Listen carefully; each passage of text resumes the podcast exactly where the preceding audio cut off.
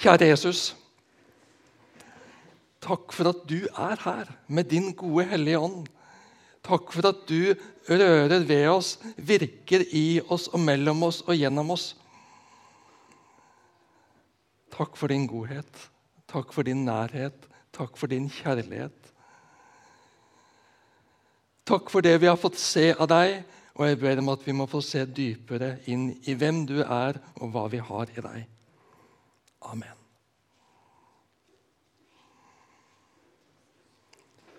Har du opplevd å bli bedt for noen gang? Jeg håper virkelig at du har opplevd å bli bedt for flere ganger. Men om du ikke har det, og om du har det likevel, så har du muligheten i dag til å gå til forbønn etter gudstjenesten ute i bønnerommet. Der vil Gabriel Edland være tilgjengelig som forbeder for deg. Jeg har blitt bedt for mange ganger. Og jeg har en mistanke om at jeg har blitt bedt for mye mer enn jeg sjøl aner. Mine foreldre og mine besteforeldre de ba for meg til og med før jeg ble født. Og jeg har fått tilbakemeldinger på at jeg har gode, trofaste forbedere her i menigheten. Og det er jeg utrolig takknemlig for. Noen ganger merker vi det, hvordan det fyller oss med glede og takknemlighet og ro når vi blir bedt for. Ofte så merker vi ingenting.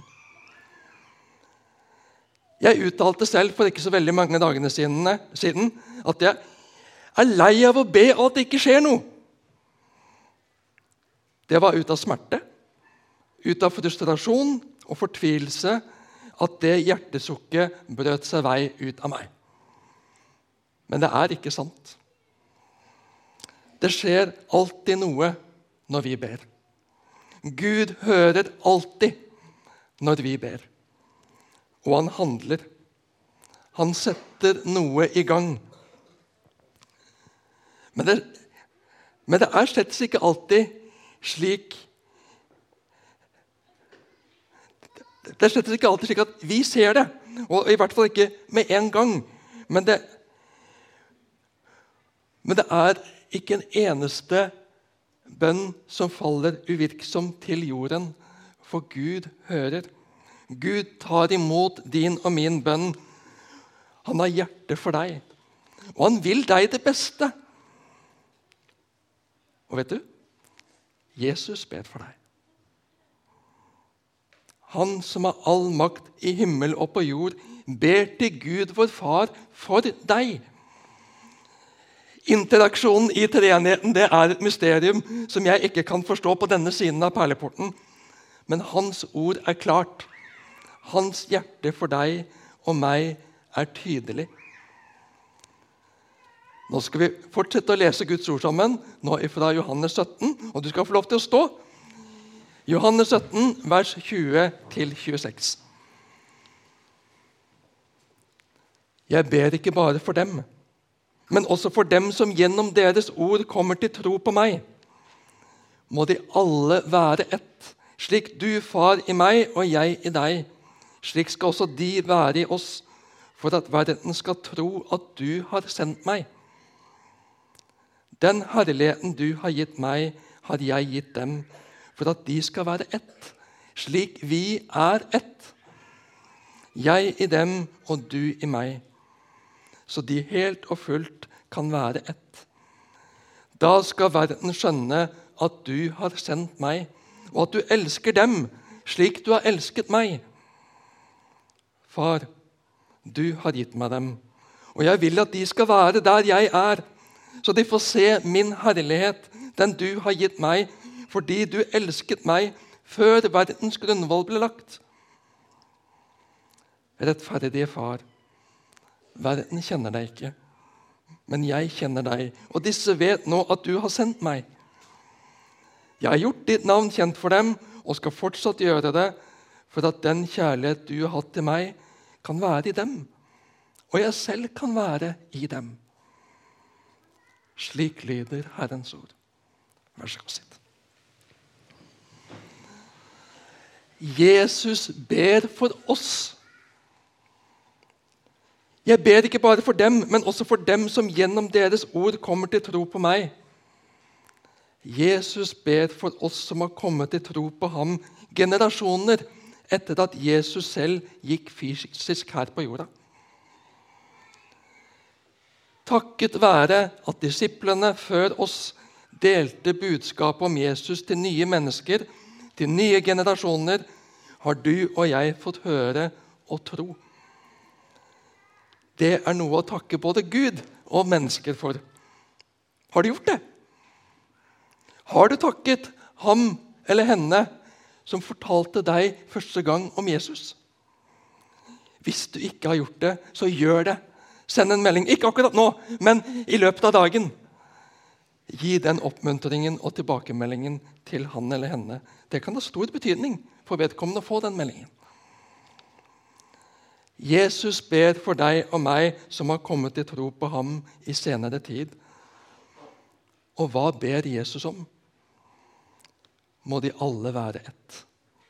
Slik du, far, er i meg, og jeg i deg. Jesus ber om at vi må være ett. Alle hans disipler være ett. Det er utfordrende. Ja, men jeg liker ikke alle som kaller seg kristne. Noen kan jeg rett og slett ikke fordra. Noen er helt forskrudde. De lærer snåle ting. Jeg er dypt uenig med dem teologisk.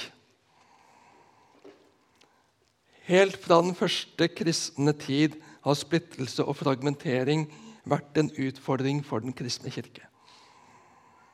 Vranglære har truet menighetens sunne og sanne tro og liv men også maktmennesker.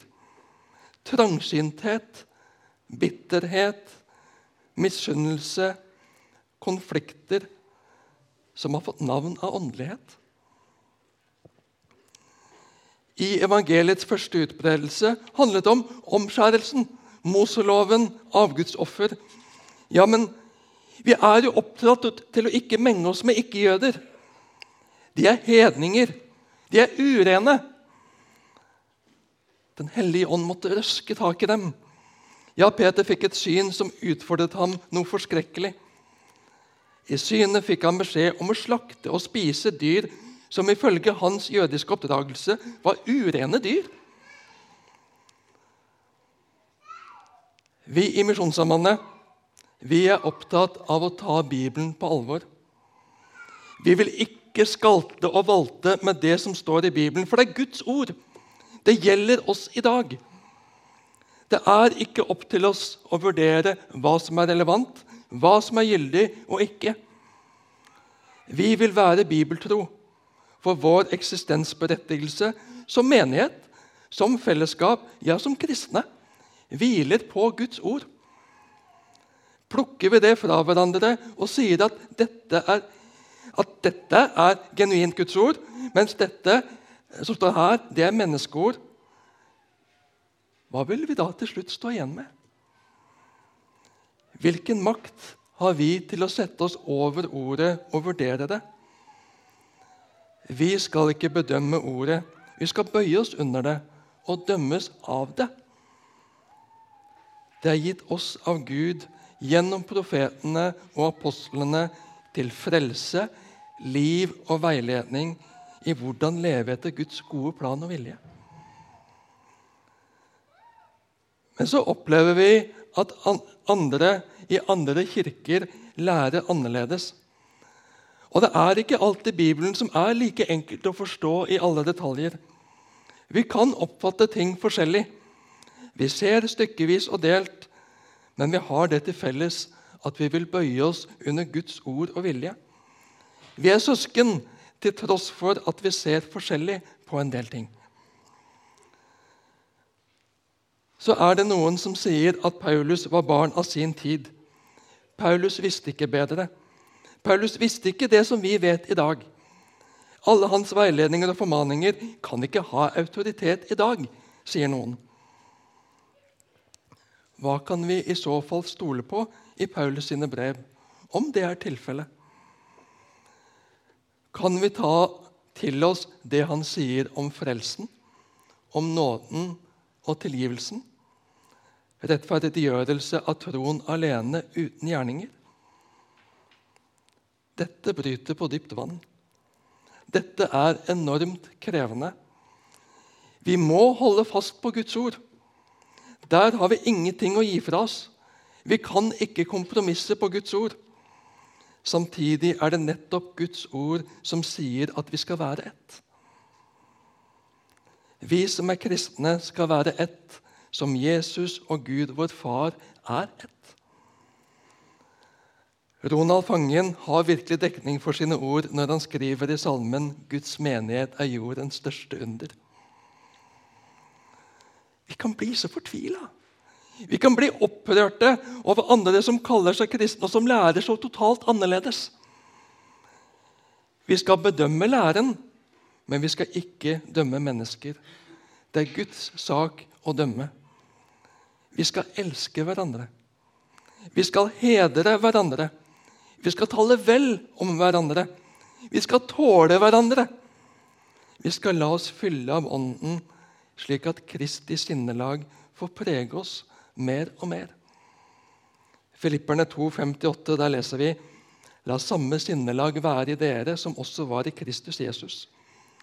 Han var i Guds skikkelse og så det ikke som et rov å være Gud lik, men ga avkall på sitt eget, tok på seg tjenerskikkelse og ble mennesker lik. Da han sto fram som et menneske, fornedret han seg selv og ble lydig til døden, ja, døden på korset. Vi skal tåle å lide urett, men aldri sverte andre. Må de alle være ett, slik du, far, er i meg og jeg i deg, for at verden skal tro at du har sendt meg. Hvem vil joine en gjeng kranglefanter? Hvem har lyst til å være sammen med? Hvem blir tiltrukket av folk som kritiserer og skjeller ut hverandre? Vi kan ikke si ja til alt, for det gjør ikke Gud. For han vet at det er ikke godt for oss. Men både våre ja og våre nei må være båret av kjærlighet til de mennesker Gud har skapt og elsker. Ja, for vi har vel ikke glemt at Jesus elsker dem like høyt som han elsker deg og meg? Iblant kan vi streve med å se oss elsket av Gud fordi vi fordømmer oss selv. For vi kjenner på synden i eget hjerte. Synder som vi strever med og sliter med og faller i igjen og igjen. Kan Gud elske meg sånn som jeg er? Og selvforakten kan resultere i at vi har lite kjærlighet til våre medmennesker også. Jesus sier at vi skal elske vår neste som oss selv. Vi må se på Jesus for å lære å elske oss selv. Og vi må se på Jesus for å lære å elske vår neste. Mindfulness holder ikke. Livsmestring og motivasjonskurs blir for svakt. Vi trenger å komme i nærkontakt med den hellige, kjærlige Gud, som hater synden, men elsker synderen, og som er nådig og tilgir for han har selv båret straffen for synden. Lever du nær Gud? Lar du Jesus fylle hjertet ditt? Eller er det fullt av alt du eier, alt du vil oppnå, alt du strever med, alt du bekymrer deg for, så det blir lite plass til Jesu nåde og kjærlighet? Guds ånd og vesen og væren. Verden rundt oss tiltrekkes ikke av fine fasader og et perfekt ytre. Tvert imot. Det er avskyelig og frastøtende. Men sprukne liv og knuste hjerter, ærlighet med livet som jeg ikke fikser slik jeg ønsker, og et ønske om å se og komme andre i møte, det åpner opp. Det tiltaler det lengter mennesker etter. Den herligheten du har gitt meg, har jeg gitt dem, for at de skal være ett slik vi er ett. Da skal verden skjønne at du har sendt meg, og at du elsker dem slik du har elsket meg. Jeg måtte undersøke litt. Herligheten som far har gitt Jesus, og som Jesus sier at han har gitt oss, hva er det for noe? Det første som kom opp i tanken min, det var herliggjørelsen av Jesus på berget foran Peter, Jakob og Johannes da Moses og Elia ble åpenbart i samtale med Jesus. Men det var en demonstrasjon av Jesu hellighet og forskjellighet. Og noe de ikke skulle snakke om med det første. Her må det kanskje dreie seg om noe annet. John Curson satte meg på sporet ved å minne meg på Romerne 8,30. Dem som han har kalt, har han også kjent rettferdige.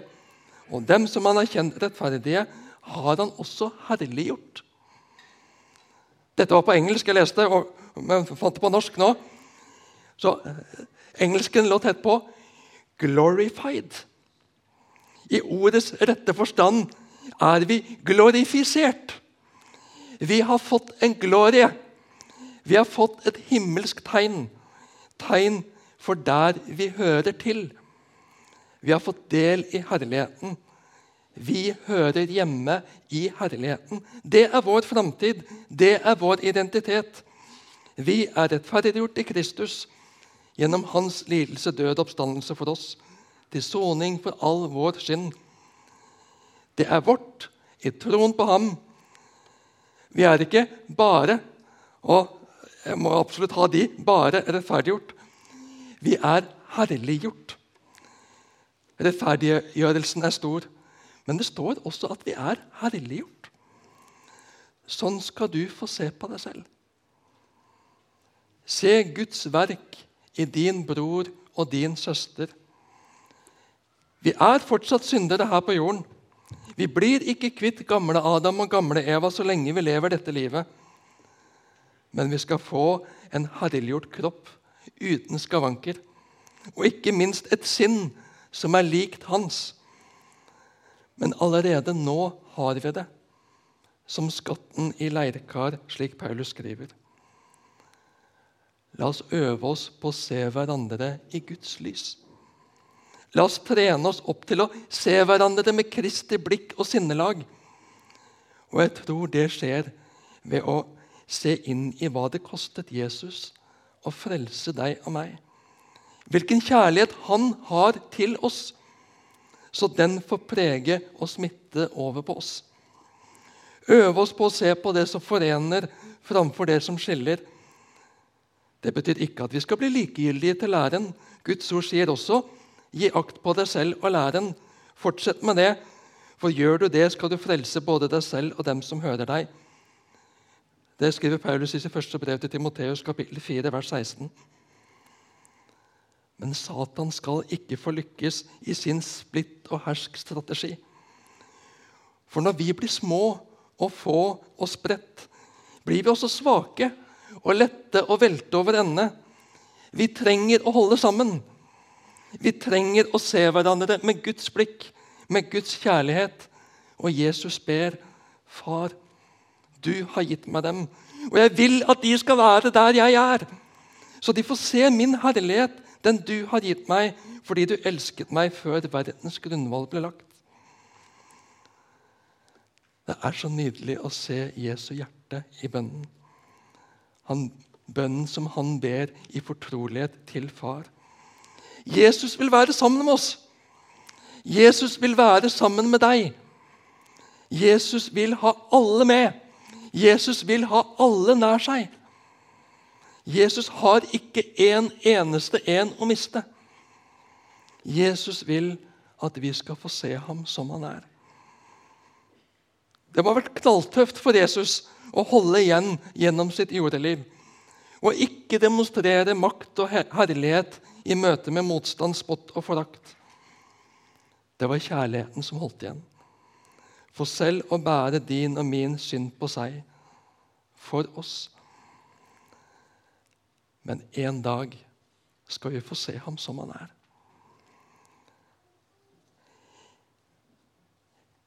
Og Da er det ikke sånn at han skal skinne og vi blir puslete i forhold, slik som vi gjerne føler det overfor kjendiser og stjerner. At vi blir grå og kjedelige i sammenligning med dem. Med Jesus er det annerledes. Vi skal få se ham som han er, slik at vi skal få se hvem vi har med å gjøre, og hvor høyt han setter oss.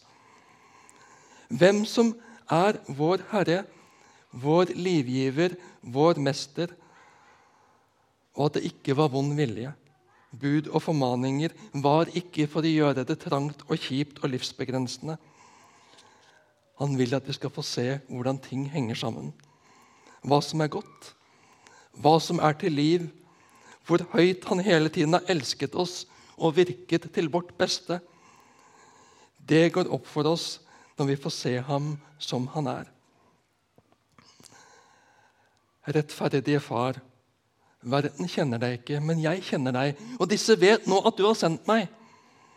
Jeg har gjort ditt navn kjent for dem og skal fortsatt gjøre det, for at den kjærlighet du har hatt til meg, kan være i dem, og jeg selv kan være i dem. Vi lever i en verden som ikke kjenner Gud. Det er vårt oppdrag, vårt livsverk, å utføre her på jord å gjøre Gud kjent. Verden for Kristus. Å bringe lys og liv, frelse og håp til alle verdens folk. Vi som har fått se, vi som har fått tro og ta imot, vi kjenner ham og vi skal få fortsette å bli bedre og bedre kjent med ham. Dypere og dypere relasjon med ham. Så vi tar farge av ham. Så vi blir preget av ham i sinn og tanke, hjerte og vilje. At hans kjærlighet får prege alle våre relasjoner, tanker og meninger om de rundt oss. Så verden kan se, så verden kan tro. Jesus ber for oss. Hellige Far, bevar dem i ditt navn. Det navnet du har gitt meg, så de kan være ett, slik vi er ett. Jeg ber ikke bare for dem, men også for dem som gjennom deres ord kommer til tro på meg. Må de alle være ett, slik du, Far, er i meg og jeg i deg. Slik skal også de være i oss, for at verden skal tro at du har sendt meg. Kjære Jesus. Må du virke denne enheten mellom oss. Vi overgir oss til deg.